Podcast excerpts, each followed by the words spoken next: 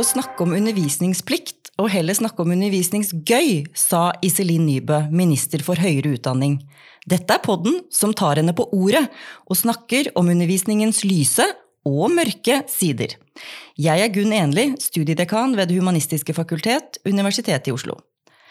Her på mitt kontor liker jeg å tenke på undervisning. Men det jeg liker enda bedre enn å tenke alene, det er å tenke sammen med andre. Og derfor har jeg invitert noen av landets mest spennende fagpersoner hit på kaffebesøk. Den som har kommet innom kontoret i dag, har vunnet Morgenbladets undervisningspris, er professor i allmenn litteraturvitenskap og har nylig utgitt boken Leselyst. Tone Selbo, velkommen hit. Takk skal du ha. For å starte med kåringen. Høsten 2016 ble du kåret til én av ti fantastiske forelesere i Morgenbladet. I begrunnelsen ble en av studentene dine sitert på at uh, Tone Selbo er en av de foreleserne man husker i år etter studiene, som med sitt engasjement og sin entusiasme trekker studentene opp og med seg. Det er sånn som smitter, og som bidrar til å vedlikeholde en glød for faget livet ut. Det er jo utrolig hyggelig, da. Ja. Kjenner du deg igjen? Jeg vet ikke. Eh, det er veldig vanskelig å kjenne seg igjen i sånn utvetydig ros. Eh, det var veldig hyggelig. Jeg har alltid vært litt sånn skeptisk til kåringer, og man vet jo at det kunne vært mange andre. Og jeg har masse kolleger som er absolutt like gode undervisere som meg, men nå var det jeg som var heldig, da, kan du si. Eh, det som var veldig hyggelig, og som gjorde at jeg kanskje liksom føler meg litt tryggere etterpå, det er det at det blir trukket fram det med entusiasme og engasjement. fordi at jeg er veldig glad i faget mitt, og jeg er glad i å undervise. Og jeg syns det Jeg oppfatter meg nok veldig som lærer. Eh, og har alltid tenkt at det er ikke noe mindre verdt enn å være professor, eller eh, hvilke andre betegnelser man nå bruker. Og jeg er ikke verdens mest systematiske lærer. Eh, jeg er ikke, jeg er ikke alltid like god til å liksom få gjennomført planer og komme fra A til Å, men hvis det har satt seg hos studenter at jeg liker å undervise, jeg er interessert i dem og er interessert i faget mitt, så er jo det en veldig fin attest å få, og det ble jeg veldig glad for. Jeg ble veldig glad for det fordi det var studenter som skulle nominere, og som skulle stemme, så det var det hyggelige ved det. Ja, så du sier at det har vært et litt før og etter prisen på én måte. Eh, har den åpnet noen dører? Har det hatt noen betydning for deg? Ikke så mye. Eh, nå hadde jo jeg holdt på ganske lenge da jeg fikk den prisen.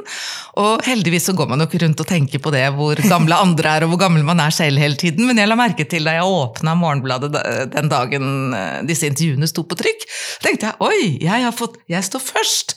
Og så så jeg jo at jeg var mye eldre enn de andre.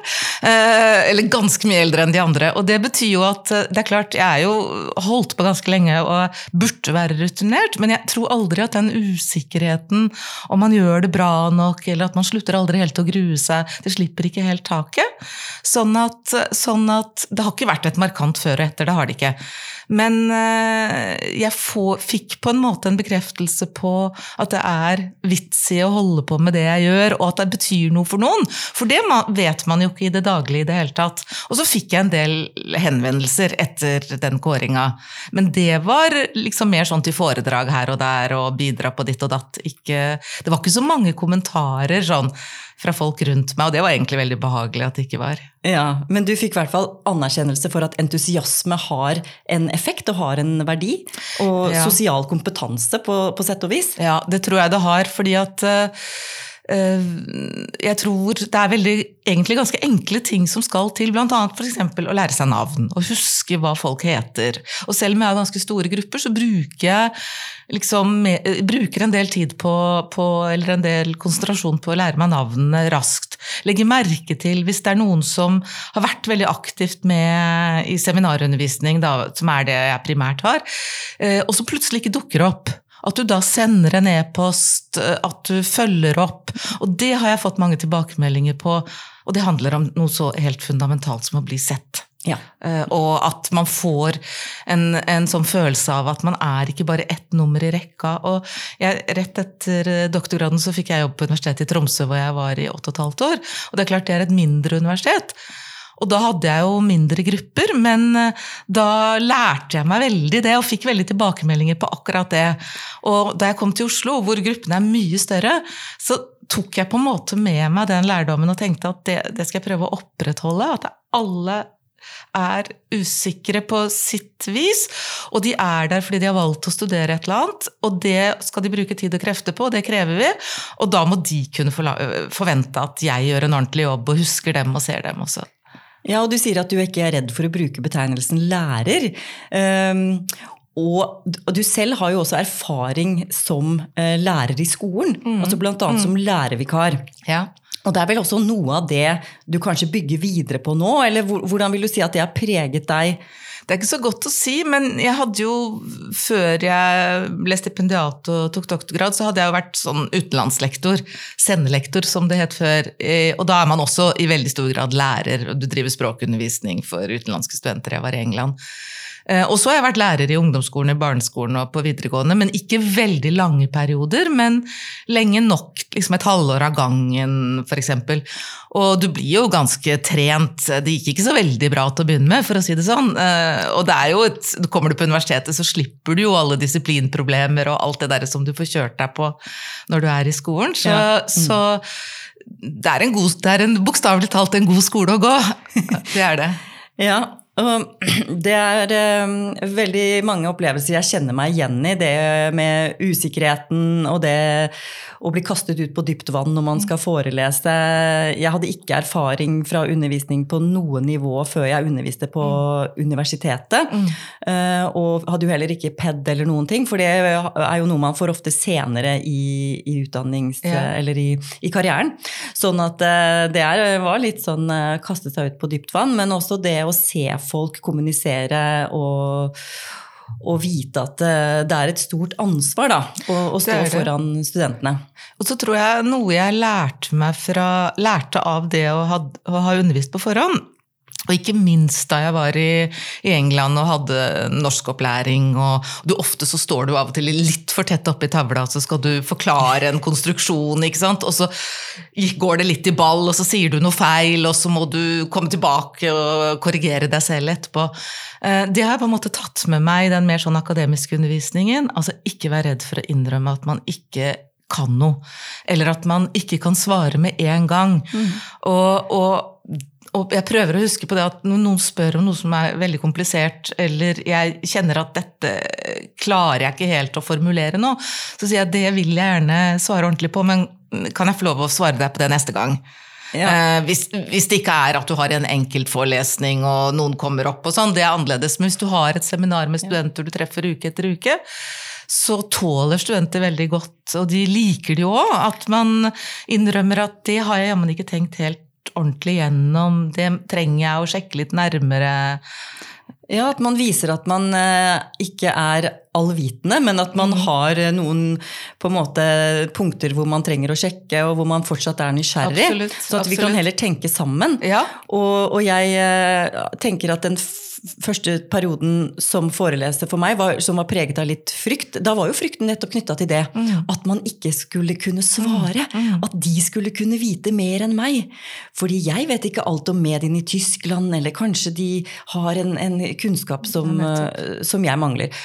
Og det opp oppdaget jeg også fort at det går an å stille spørsmålet tilbake til studentene. Hva synes dere? Er det noen som kjenner til dette? Eller så kan vi sjekke opp, og, mm. og sjekke opp sammen på en måte sånn at det blir et felles prosjekt å sjekke det ut. Men, eh, men selvfølgelig som lærer eller foreleser så, så, er det jo noen ting man har ansvaret for. Og da blir jeg, jeg også som, som deg eh, mer avslappet på det etter hvert. At, um... Det er en sånn blanding av å skulle være underviser og autoritet, men også en slags ordstyrer. Da, og, og i hvert fall fordi at min undervisning er primært seminarundervisning, eller det er det på vårt fag. Da, at har no, jeg har noen oversiktsforelesninger. Og da åpner jeg gjerne for spørsmål til slutt, og sånn, men det er jo mer monologisk. Mm. Eh, mens i seminarundervisningen så er det jo sånn at da skal man jo ideelt sett få til en samtale, og alle lærere vet at det er ikke alltid så lett, og det er forskjell på grupper, og ja. noen ganger fungerer det godt, og andre ganger fungerer det ikke så godt. Men ja, der har jeg forandra undervisningen min litt med åra, og det hadde jeg nok ikke turt da jeg var yngre, fordi nå, nå har jeg liksom utviklet noen sånne litt hjemmelagde teknikker hvor jeg f.eks. La oss si jeg har et kurs om 1800-tallsromanen. Og så skal de ha lest romanen før de kommer, og det tar jeg for gitt at de har. Det kan jeg jo ikke alltid vite at de har, men på masternivå har de nå i hvert fall alltid gjort det. Og da starter jeg ofte med å ta runde og få stikkord. Helt sånn spontane stikkord. Og så setter jeg dem opp på tavla, og så strukturerer jeg samtalen og undervisningen etter de stikkorda. Men det er klart, det betyr at jeg risikerer at eh, forløpet blir helt annerledes enn jeg hadde forberedt. Ja. Og det betyr at jeg skal være ganske trygg på selve stoffet. Og jeg skal tåle også at samtalen går i en retning hvor jeg ikke har kontroll. Mm. Og det er klart, det er mye lettere når du har holdt på en stund, og hvis det er innenfor et felt du kan tross alt bedre enn dem, da. Men, men, man risikerer også å komme ut på dypt vann, og det må man tørre å risikere. Ja, så men, den uh, improvisasjonsferdigheten mm. som du etter hvert har utvikla, det har du gjort på bakgrunn av erfaring, men også trygghet og, og villigheten til å utforske kanskje den der grensen. Men jeg kjenner meg også igjen i det med ordstyrer og det å være opptatt av at studentene skal bidra inn, og at det er liten vits å stå og prate på et seminar eh, hvis du er usikker på om studentene får det med seg eller ikke. Ja, Men det ja. å ta stikkord rundt høres ut som en veldig god idé. For det første fordi alle får sagt noe. Eh, fordi i seminarundervisningens største problem er vel at det er et par stykker som rekker opp hånda, og resten er tause. Det er nettopp det. Og så er det, jo, er det jo det at, eh, og det tok meg mange år å liksom skjønne, at hvis jeg starter et seminar med min egen lille miniforelesning, det er jo veldig vanlig, ikke sant? Mm. Man starter med å innlede, og så holder man en slags sånn liten miniforelesning, og så vil man at studentene skal være aktive. Men det er en ganske tøff oppgave, for da har man jo allerede snakka sjøl liksom satt standarden på en måte, og kommet med kanskje ferdige, forberedte resonnementer. Ja. Og så skal de inn. Så, så, så, jeg har liksom prøvd og feila en del med det der, og så prøver jeg å tenke, starte omvendt. Mm. Og så kan jeg heller ta de små minisnuttene, de kan jeg ta senere i et to- eller tretimersforløp. Ja, for jeg tror det kan være lurt at de får tenkt først, og brukt det de har av kompetanse først. Aktivert litt eh, For det er klart, du legger jo lista veldig høyt ved din eh, miniforelesning, som mm. du kalte det. Men så er det jo noen ganger at studentene vil ha nettopp det at de, de gir eh, kanskje bedre evalueringer hvis du står og prater i 45 minutter med powerpoint, enn om du tvinger dem mm. til å delta. Men jeg skjønner jo godt at de vil ha det, for det krever jo mye mindre av dem. De, de, de syns det er herlig å få lov å lene seg tilbake og ta imot, og det skal de få lov til av og til òg. Men absolutt. Men, men, det som er hyggelig, er at hvis du liksom blir kjent med dem, og, og man får til da, å skape en trygg stemning i et klasserom, for så går det jo mye bedre, for de er mye reddere for hverandre enn de er for meg eller for deg. Ja. Det er jo hverandres eh, blikk, blikk, og oppfatning ja. de er redde for. Og så har du de derre to-tre som er enten at de er flinkere enn de andre, men veldig mye mer vanlig er jo at de har mye mer selvtillit, og som rekker opp hånda hele tiden. Ja. Og så blir de andre helt passive. Og jeg husker da jeg starta, så var jeg livredd for sånne svartkledde gutter fra idéhistorie eller filosofi som rakk opp hånda og sa 'ja, men hva med Heidegger'? Ja. Det var liksom standard. Jeg hadde en sånn skrekk for dem. Uh, dem er det ikke så mange av lenger. Men, men og, Nei, men og jentene den, ble helt tause. Den tausheten sprer seg jo, og det, det, er et mønster jeg også ser, at jentene har mye mer um, høyere terskel for å rekke opp hånden. De skal vite 100% at de har rett, de, så jeg pleier å eh, på en måte aktivisere eller tvinge i anførselstegn eh, mer aktivitet. Altså peke på studenter eller spørre mm. direkte hva mener du, for å få i gang eh, også de som er litt tause og beskjedne. Ja, fordi ja. har man først brutt den eh, tausheten, så går det ofte litt bedre. Men det er et mønster ja, fortsatt, selv om kanskje de ikke lenger er sortkledde. Det er sant. det er sant. Du, jeg har aldri møtt deg før. Og det er eh, litt eh, spesielt, fordi jeg har jo studert litteraturvitenskap, og vi har vært kollegaer ved samme fakultet i mhm. flere år. Men likevel så føler jeg at jeg kjenner deg litt nå, selv om jeg aldri har møtt deg eh, før denne samtalen. Og det er fordi at jeg har lest en bok du har skrevet som heter Leselyst, mm. som kom ut på Kagge forlag i fjor. I den boken så er du litt mer personlig enn det du har vært i dine tidligere bøker. Det sa du i hvert fall i et intervju med Vårt Land. Ja. Eh, og derfor så lurer jeg litt på hvorfor var tiden inne for å skrive en litt mer personlig bok nå? Ja, eh, jeg har aldri noen gang liksom trukket inn eh, meg selv eh, i det jeg har skrevet. Og dette er jo et formidlingsarbeid. Dette er jo en sånn bok som ikke gir noe poeng i telekantsystemet eller noe sånt. Men det var veldig gøy å skrive en sånn type bok. Altså, eller Foranledningen var, jeg, var, at jeg den høsten etter den kåringa så ble jeg bedt om å lage en, en jul i P2. Mm. Og da sa jeg automatisk nei. Så sa jeg mitt liv er ikke noe interessant, jeg vil ikke snakke om liksom, meg selv og, på radio. Dette, for dette skal jo ikke være noe litteraturprogram. Og så var det en veldig flink produsent, Janne Kjellberg, som, som, at, eh, som ringte meg opp igjen. Så sa hun du, jeg har tenkt på du kan få lage et litteraturprogram, men du må selvfølgelig være personlig rundt dine leseerfaringer og tørre å si, snakke om både følelser og hva du, hva du mener. Men du behøver ikke å være privat. Og så tenkte jeg på det, og så sa jeg at ja, jeg vil gjerne gjøre det på én betingelse, og det er at når jeg er ferdig med dette programmet, så skal ingen vite om jeg har barn, om jeg ikke har barn, om jeg er skilt, eller de skal ikke vite sånne ting om meg. Men jeg skal love at jeg kan godt være personlig når det gjelder forholdet til litteratur. Jeg skal selvfølgelig snakke om meg selv, men behøver ikke å liksom fortelle sånne mer intime detaljer. Og så fikk jeg den henvendelsen om å lage den boka, og oppdaget at jeg syntes dette var kjempegøy. Da. Og, og, det handler jo om at, at jeg er jo ikke så redd for For det første er jeg ikke så redd for å dumme meg ut lenger. Og for det andre så er jeg ikke så pretensiøs, håper jeg, som man ofte er når man er yngre. Og da Nå er jeg 59 år. Jeg tenker Altså, nå må jeg jo kunne tørre å by på meg selv, på et, som det heter. Bjuda på. Bjuda på, sånn at, uh, Men det er jo en avveining, det der. Og jeg var uh, i tvil om eh, som det heter i våre dager, ble dette kleint, eller ble det ikke kleint? Ikke sant? Du prøver deg fram. Men jeg hadde jo leser underveis, ja. så jeg fikk testet ut. Det ble ikke kleint. Det ble en veldig fin leseropplevelse. Så at boka heter 'Leselyst', den er jo veldig lett å lese, og man blir kjent med deg på en måte som du sier, altså personlig, men ikke privat. Mm. Vi får vite litt om oppveksten din, eh, ditt forhold til bøker. Eh, og jeg likte jo veldig godt den togscenen, da, at du irriterer deg over at folk spør hva leser ja. du. fordi at Jeg kjente meg veldig igjen, for det er vanskelig å svare på hva leser du, for det er en privat, liksom, eller personlig ja, hvert fall, opplevelse som man ikke alltid har lyst til å dele. Ja, det er det. Og, men samtidig så ser jeg at man kan skape et rom rundt litteraturen, også rundt fagligheten, da, ved å tørre å være litt mer personlig. Eh, for da jeg startet, og da jeg startet eh, liksom med doktorgrad, eller både med hovedfag og doktorgrad, så var det jo i en my mye mer hardere teoretisk mm, tid mm. enn det er i dag. Sånn at alt det der med at uh, litteratur er noe som er knyttet også til personlige erfaringer, og at det gir en slags gjenklang, det holdt vi på mange måter skjult, selv om det var jo motivasjonen for de fleste av oss, vil jeg tro. Ja. Og, og, det derre eksistensielle forhold til litteratur, som i hvert fall jeg hadde. Og jeg har jo gjort liksom min sterkeste interesse til fag og til jobb. Og det tok ganske mange år før jeg turte å liksom innrømme at helt i orden. Både gjenkjennelse, trøst, øh, ja, ja. gråt, latter. Ja. Alt det der finner jeg gjenklang i. Men så er det klart at forskjellen mellom en leser som, bare, som leser av ren interesse, og en som studerer litteratur, og kanskje til og med gjør det til del av arbeidslivet, er jo at man får et språk til å begrunne hvorfor man syns noe er sånn eller slik.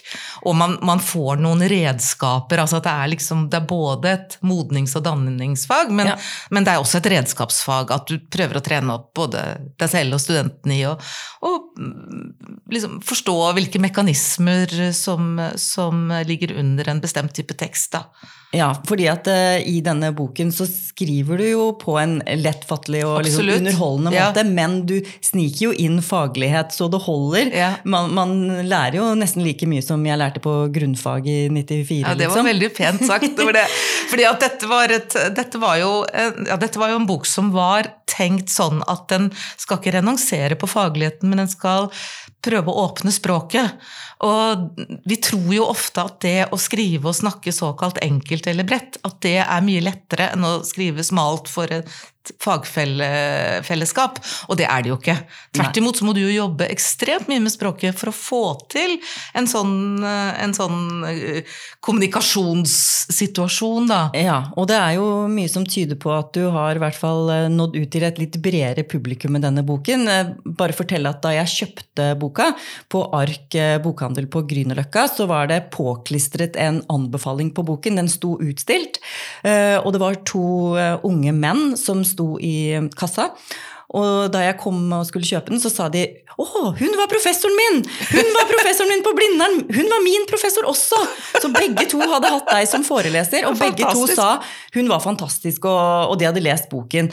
Så det eh, tenker jeg også er litt interessant, at du har personer i bokhandlere som har tatt dine eh, emner, eller, eller, altså studert på, på litteraturvitenskap. Eh, hvordan føles det å ha satt sånne spor i folk? Ja, altså, dette her er jo nytt for meg, det du sier nå. Altså, jeg ser jo at jeg treffer gamle studenter rundt på litteraturhus og litteraturscener og forlag osv.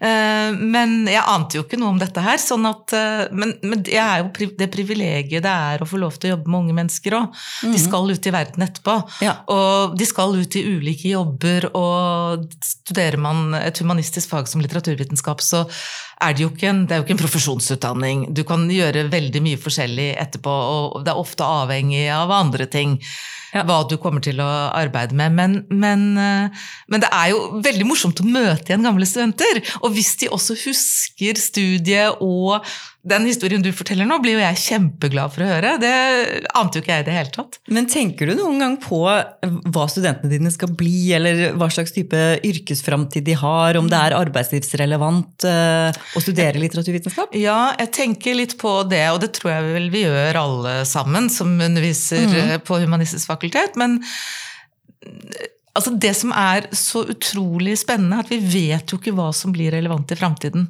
Vi vet ikke hva som kommer til å bli nyttig, og derfor så er jo sånne ord som relevans og aktualitet og nytte, mm. unyttig og sånn Det er jo litt sånn tvega sverd, fordi at uh, det som kan virke både unyttig og irrelevant, er ikke det nødvendigvis om fem år, uh, eller ti år, eller enda senere. Og jeg ser jo også på mine studenter nå, altså den store forskjellen på nå og før, det er jo at nå er de for eksempel, Får jeg telefonsamtaler når jeg er en eh, referanse for eh, studenter, f.eks., så får jeg fra departementer og, ja. og, offentlige instanser og også privat næringsliv som aldri tidligere ville ansett en litteraturviter, men som nå ser at vi må tenke annerledes. Ja. Kanskje trenger vi noen som kan, er gode til å fortolke tekst. Kanskje trenger vi noen som har skrevet om litteratur som ikke er vestlig, f.eks. Og mm. da mm. kan det mennesket ikke være god til å, mm. å jobbe med asylsaker eller ja. flyktningproblematikk eller hva det nå måtte være.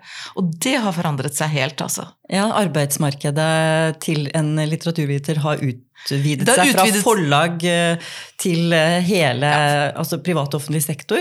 Ja, det har utvidet seg. Jeg sier ikke at det er lett å få jobb, eller at det nødvendigvis er så mye lettere å få jobb, men det er det er liksom også andre arenaer ja. uh, som er mulige nå. Og jeg prøver jo å argumentere for da, liksom, at det er kanskje ikke akkurat emnet vedkommende har skrevet om, hvis det er en som har skrevet om, eh, hvis det er en som har veiledet til mastergrad. da.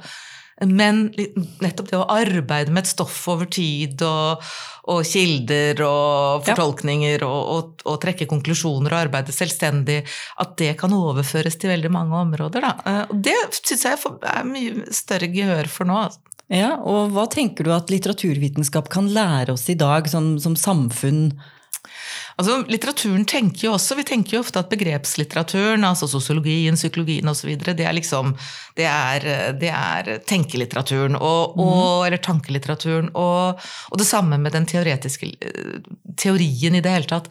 Mens uh, skjønnlitteraturen, hvis man skal holde seg til det, da, den tenker jo også Og den formulerer jo ofte innsikter knyttet til det menneskelige lenge før eh, begrepslitteraturen kom på banen. Og det betyr at man lærer seg jo veldig mye om mennesker, om mellommenneskelige forhold, om andre kulturer, og vi lever i en tid hvor vi har lett for å understreke forskjellene mellom oss og dem. Så mm. kan det jo være interessant å se at du leser litteratur fra helt andre kanter av verden, så ser du at det er veldig mye som er felles. Og i tillegg så får du jo noen forhåpentligvis da, noen redskaper som gjør at du er bedre til å analysere tekst. Da. Og det skal vi jo gjøre nesten alle jobber så skal du analysere tekst i en eller annen forstand. Ja, Så akkurat det å skrive en masteroppgave vil jo være overførbart til en del uh, yrker eller, ja, ja. Eh, eller bransjer ja. uansett. Og, men det som er spesielt med litteraturvitenskapen, er at den gir noen spesielle måter å tenke på, også, men som også er, um, har blitt trukket fram som en måte å forstå samfunnsutviklingen på. altså en annen type historieskriving enn det historikerne gjør, f.eks. Ja, ja, det er jo derfor jeg ofte har sitert det der utsagnet fra Balzac. Nå føler jeg at jeg har gjentatt det mange ganger, men hvor han sier at eh, Balzac var jo 1800-tallsforfatter, ja. Eh, romanforfatter, og han sier at han har lyst til å skrive den historien som historikerne har glemt. Og da er det jo nettopp det som historikerne kaller mikrohistorie, vil jeg tro i dag. Noe sånt mm. noe. At man liksom skriver historien fra gateplan, knytta til enkeltmenneskers følelser og opplevelser og det er jo klart at det er jo alltid veldig bra når man kan få drahjelp også fra andre fagfolk. sånn at når Thomas Piketty skriver i eh, 'Kapitalen i det 21. århundre', og jeg har altså ikke lest den fra A til Å, det må jeg bare si med en gang, men i innledningen der så skriver han jo at skal du forstå noe av verdiskaping og, og velstandsutvikling i en viss fase av 1800-tallet i England og Frankrike, så skal du ikke gå til statistisk teori eller økonomisk analyse, men du skal gå til Jane Austen og, og Balzac for å se hvordan eh, penger går i arv, hvordan ekteskapsinngåelser er med på å øh, forvalte et visst system osv. Og, så og det er jo et veldig sånn slående og godt eksempel, og morsomt å få et sånt eksempel fra en som ikke er litterat. Og, så, og så tenker jeg ofte på, på, litteraturen som en slags sånn, eller skjønnlitteraturen som en slags antropologi, en menneskekunnskap. Altså, øh, det er en slags sånn øh, litterær antropologi som foregår. Ja, og du sier jo at vi blir ikke bedre mennesker av å lese. Det er jo litt skuffende, selvfølgelig, for oss mm. som leser mye skjønnlitteratur. Men man eh, blir ikke noe, nødvendigvis et godt menneske, men man, man, kan få flere perspektiver inn og Selvfølgelig. Det er jo interessant fordi at det er akkurat det punktet. Jeg er veldig mye rundt og holder foredrag nå på bibliotek og i leseforeninger og til, til det skal på et par skoler også. Og da er, blir det er ofte litt sånn skuffelse knytta til det. Mener du virkelig det? Så sier jeg, jeg mener jo ikke at man blir noe dårligere menneske, og jeg mener at det er en god ting å oppøve forestillingsevnen.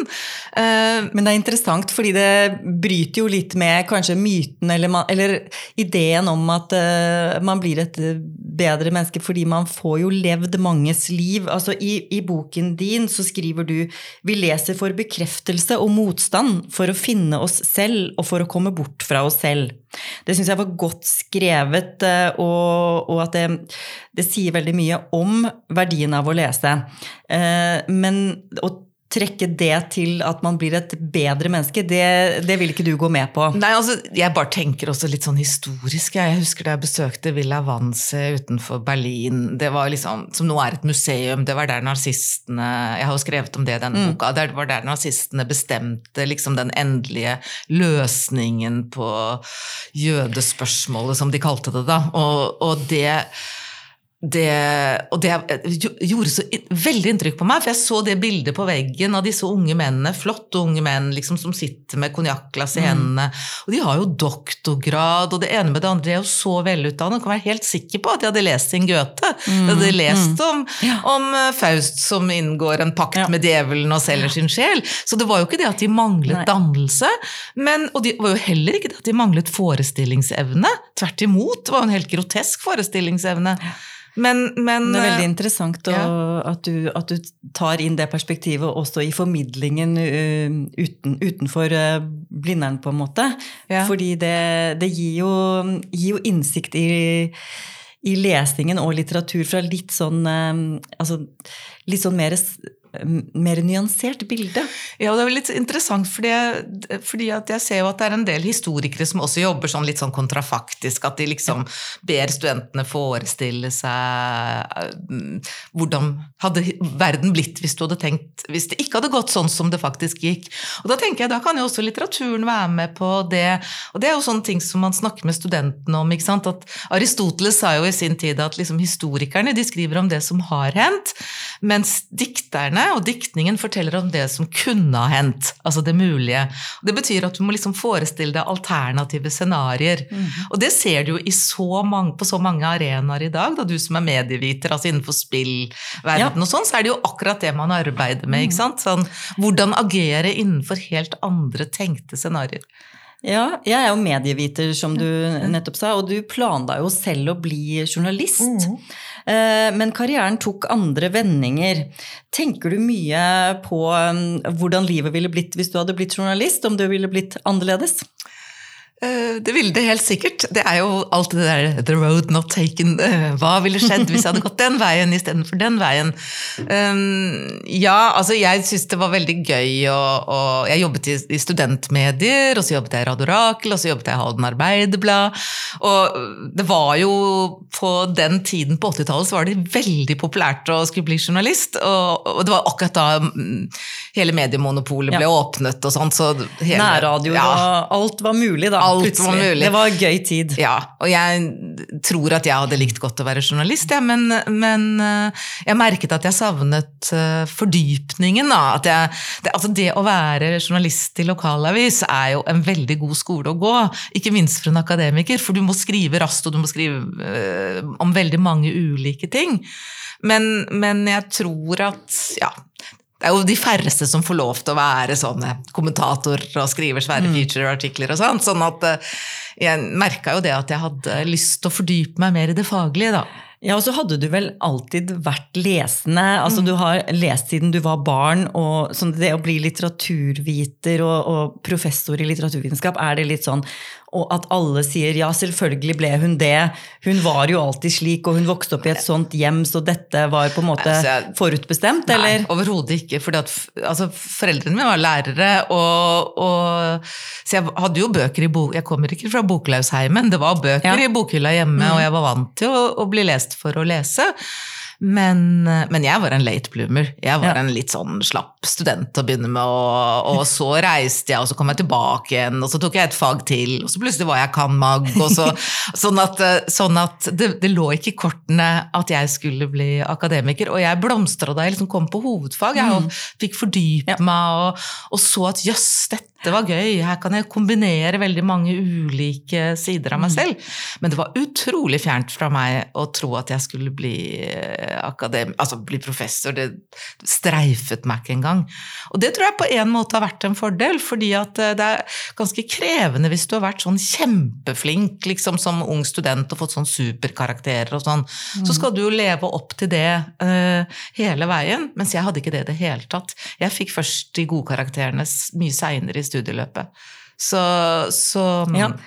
Ja, det er nok mange kanskje som uh, har det som deg, at man utvikler en akademisk eh, kompetanse i løpet av studiene og blir mer og mer skjerpet og mer og mer interessert. Og mm. det kan jo kanskje være en fordel at man ikke har den store forventningspresset om alltid å være best, fordi kommer man på Blindern, så er man uansett blant veldig mange ja. flink, andre flinke. Og det tror jeg er et sjokk for mange, altså. fordi de fleste av oss har jo vært sånn alminnelig skoleflinke. men men så kommer det jo, så er det jo mange som Alle, eller veldig mange, har jo vært det. Og, mm. og ja, og så var jeg altfor altså, Jeg var altfor uh, Tvilte altfor mye på meg selv til å, ja. å, tro at det skulle være mulig den gangen. Det må jeg si. Det ville vært helt utenkelig å ha den selvtilliten.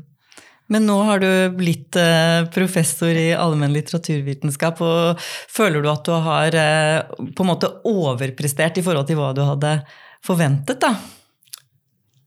Ja, men du vet, Det er jo så pussig det der, for at et liv ser helt annerledes ut innenfra enn utenfra. Mm. Jeg føler meg jo veldig som den samme. Ja. Uh, mens jeg skjønner jo at du stiller det spørsmålet, og jeg skjønner at andre sier ja, men du er jo vellykket og blitt professor og greier, og jeg møter liksom gamle skolevenner ja. som sier det. Jeg føler meg jo ikke noe spesielt vellykka. Jeg føler meg jo sånn som jeg alltid har følt meg. Noen ganger syns jeg det går bra, andre ganger syns jeg ikke det går fullt så bra. Sånn at, men jeg ser jo det at det ville være kokett å si at det ikke er At man ikke har gjort det bra når man har fått til det. Det er klart at det stemmer, men men du føler deg ikke som verdensmester og on the top of the world for eh, alltid. Men eh, og det skjønner jeg, sånn er det vel for, for alle mennesker. Eh, men det å skulle inn i et forelesning eller seminarrom, mm. er det sånn at du, du er spent eller nervøs fortsatt? Ikke når jeg er i gang. Når jeg er i gang med en seminarrekke eller en mm. forelesningsrekke, så er jeg ikke det. Da, jeg kan være litt sånn spent uh, rett før timen. Det er jeg nesten alltid. Jeg må alltid sitte sitte akkurat med det jeg skal ha med meg rett før timen. Jeg må, må liksom alltid ha teksten helt present, selv om jeg egentlig ikke gjør noe spesielt. Jeg må sitte og bla rett før. Men hver høst og hver januar så har jeg nesten uten unntak som variasjon av samme drømmen når jeg skal i gang igjen. Det gjelder faktisk særlig på høsten, for da har det jo ja. da har det vært en lang sommer mellom. Og da tenker man nesten at man har mistet det. Ja, jeg tenker det, Hvordan skal dette gå? Da drømmer jeg at jeg har sånn det er sånn forskjellige variasjoner av det, da, men at jeg står med en bunke ark, og så plutselig så mangler det tre ark, og så har jeg glemt hva jeg skal snakke om, og så skulle jeg ikke da skulle jeg, Det er ikke den forfatteren jeg skal ha i dag. og så, Sånne kaosdrømmer, sånn som man kan ha når man skal ut og reise også. ikke sant? Ja, Det er ikke denne forfatteren, ja. Det, det er typisk litteraturvitenskap. Ja. Eh, men at du har, du har faktisk en fast drøm, eller en mareritt? Ja, jeg har et mareritt. Og, og, det, og, det, er også det der med at man Men det er jo, jeg vet veldig godt at jeg ikke er alene om det, men det der at egentlig har du lurt, eh, lurt verden, ikke sant. Nå kommer de snart til å oppdage at, at det ikke stemmer. Det har blitt bedre, syns jeg. Men, men den derre kaosdrømmen i forskjellige varianter, og ofte ja. knyttet til papirer, og, og, eller at man er for sent ute og vet at oi, nå begynner uh, timen kvart over ni, og her er jeg. og jeg vet ikke hvordan jeg skal komme meg dit, og alt det der. Men har det noen gang gått virkelig galt for deg, da? I, i forelesning eller undervisningssituasjoner? Noe du angrer på, eller en tabbe, f.eks.? Uh, ehm, ja, altså jeg har, jo, jeg har, jo, sagt ting Jeg har jo flere ganger måttet komme tilbake og si at eh, det jeg sa forrige gang, var kanskje ikke helt riktig. eh, det var nok litt upresist. Og, og, det er jo noe med at du skal ikke liksom i for mange ganger komme tilbake og korrigere det du sa forrige gang.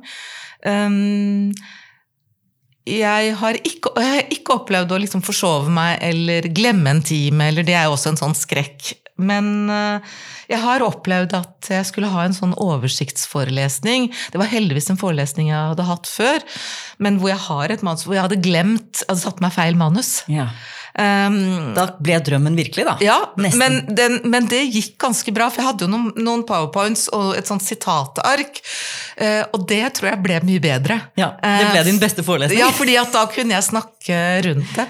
Og så hadde jeg en opplevelse i fjor som jeg ikke vet om er en tabbe eller ikke, men som jeg var veldig spesielt. For jeg hadde et seminar eh, om, og skulle snakke om Dickens, og det var en Dickens-roman. Og det var en veldig rørende scene mellom en ung gutt som da plutselig ikke vil vedkjenne seg sin fosterfar eh, fordi at han har flyttet til London, skal opp og fram i verden. Og så kommer da denne fosterfaren som verken kan lese eller skrive, og så skjønner han at gutten skammer seg over han, og tar eh, ansvar for situasjonen og, og, drar sin vei igjen. Og det er en veldig veldig rørende scene. Og så plutselig fikk jeg klump i halsen. Oh. Og jeg har lest denne romanen så mange ganger, jeg har undervist på den før. Og jeg måtte stoppe opp, og vi var i en samtale, studentene og jeg, og vi satt og nærleste ja. den scenen. da. Plutselig kjente jeg at jeg ble sånn tjukk i stemmen, ja. og så sa jeg beklager, liksom. Og de tok det veldig pent, da. Ja, Men jeg det... Eh, vet ikke hvordan de Og de, de som smilte litt sånn ømt til meg, liksom. Men, men Det var vel ikke en tabbe i det hele tatt? Det virker som en god forelesning, en autentisk eh, Jo, men du, ja, grunnen til at jeg var, følte, eller jeg er litt var for det, er jo at da trekker jeg oppmerksomheten mot meg selv, ja. og ikke mot teksten. Og så skal jeg plutselig sitte der og være en sånn sentimental hovedperson. det kan jo bli helt feil. Men samtidig det å vise av og til, eh, som du sa tidligere, at man er et menneske, at lesning eh, At det vekker følelser, at det har en gjenklang. Mm. Eh, at det er et samspill mellom leser og tekst, og at teksten ikke blir Det, det, det er jo mange på en måte fornuftige ting som kommuniseres gjennom den klumpen i halsen. Mm. Ja, eh, uten at du, og I og med at du er så bevisst på at du selv ikke er hovedperson, så, så vil jeg tro at studentene syns det var litt sånn sjarmerende, og kanskje det er noe som ga de litt ekstra interesse for den teksten. Jeg husker at jeg spurte dem om hva de syns, da, og de opplevde det jo også som en, eh, som en sterk scene. Ja. Men, men ja, jeg vet ikke. Jeg, jeg må si jeg hadde litt sånn dobbelt dobbelt følelse ja. etterpå. Jeg tenkte liksom det der å være for inderlig ja, Du har det, ikke lyst til å gå der? Nei. nei. nei. Eh, det, det, er sikkert eh, bra å finne en balanse der. Vi eh, nærmer oss slutten her i denne podkasten, så jeg har tre faste spørsmål til slutt. Vi har jo snakket en del om hvordan du foreleser og underviser, men har du noen konkrete tips til andre undervisere Nei um, jeg tenker, man, man, skal jo alltid være godt forberedt. Ja. Uh, og man skal ikke bare flyte på vanen. Uh, og innenfor mitt fag, eller i hvert fall for meg, så er det sånn at selv om jeg underviste på en tekst i fjor, uh, og det kan være en stor roman med andre tekster knyttet til seg, så må jeg lese om igjen for å ha liksom, stoffet helt present. Ja.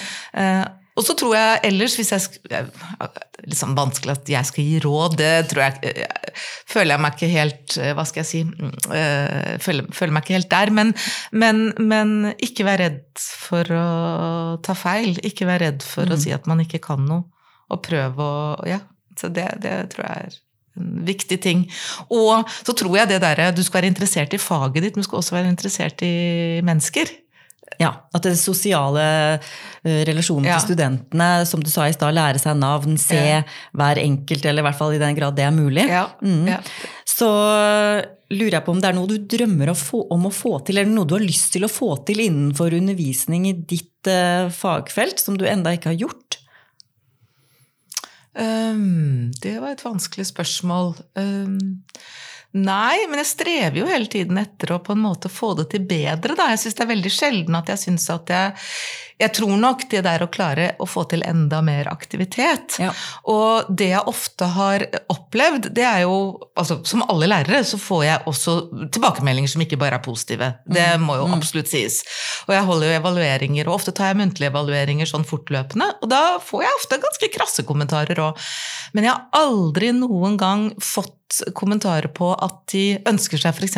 flere digitale løsninger i klasserommet. Det er mye man kan bruke det digitale mm. til, og det teknologiske til, men jeg kan av og til bli litt frustrert over at all fornyelse når det gjelder undervisning, ofte blir knyttet til digitale løsninger. Mens jeg tenker at den samtalen om litteratur som jeg har i klasserommet, eller som vi har, den er på en måte et slags hvile fra det litt sånn oppstykkede eh, informasjonslivet mm, ellers. Mm, mm. Og jeg opplever at studentene også syns det. da. Jeg har i hvert fall aldri fått noen kommentarer som går i noen motsatt retning. Så jeg skulle jo kanskje ønske meg at man tenker undervisning ikke bare sånn i i liksom et sånt fornyelsesperspektiv, sånn rent teknologisk, men at man også tenker det som nettopp et sted for langsomhet, refleksjon, samtale. At det er en veldig viktig del av det. da. Mm, det, de fleste er jo enig i det, selvfølgelig. Men. Ja, men du, du, er nok eh, litt uh, spesiell i den måten at du, du er så bevisst på uh, samtaleformen og seminarformen, og at du, i, eller deres fag, bruker lite forelesning, mm. tradisjonell mm. forelesning. Så det er jo et punkt som, som er litt ja, mm. interessant, og, og, som andre kanskje kan dra lærdom av. Uh, når det gjelder tverrfaglighet, er det noe noen fag du kunne tenke deg å samarbeide med om en forelesning, eller noen Tror du at det er et fag som ville berikt eh, litteraturvitenskapen? I, i, som ville på en måte komplementert eller gjort noe med dine forelesninger eller undervisningssituasjoner? Altså, Egentlig så tror jeg at et fag som litteraturvitenskap kan samarbeide med veldig mange ulike fag. Det gjelder alt fra psykologer til historikere til antropologer. Eh, jeg tror jeg hadde syntes vært Dette er helt sånn, jeg har ikke tenkt igjennom dette, men Det hadde vært gøy en gang å samarbeide med en antropolog, f.eks. Ja. men ellers så ser jeg jo, og jeg har kolleger som er veldig flinke til det, altså å samarbeide på tvers av fagene. Altså vi holder på med, Folk holder jo på hos meg med alt fra kognitiv litteraturvitenskap til sykdomsforskning eh, til bokhistorie, hvor historikerne er veldig tungt inne. ikke sant? Sånn at mm. det, det, det ligger veldig i fagets natur å samarbeide med andre. Også innen undervisning? Nei, der ligger det vel kanskje litt etter. Eh, det kommer, det også. Ja. Det, det, er flere som er i ferd med å gjøre det nå.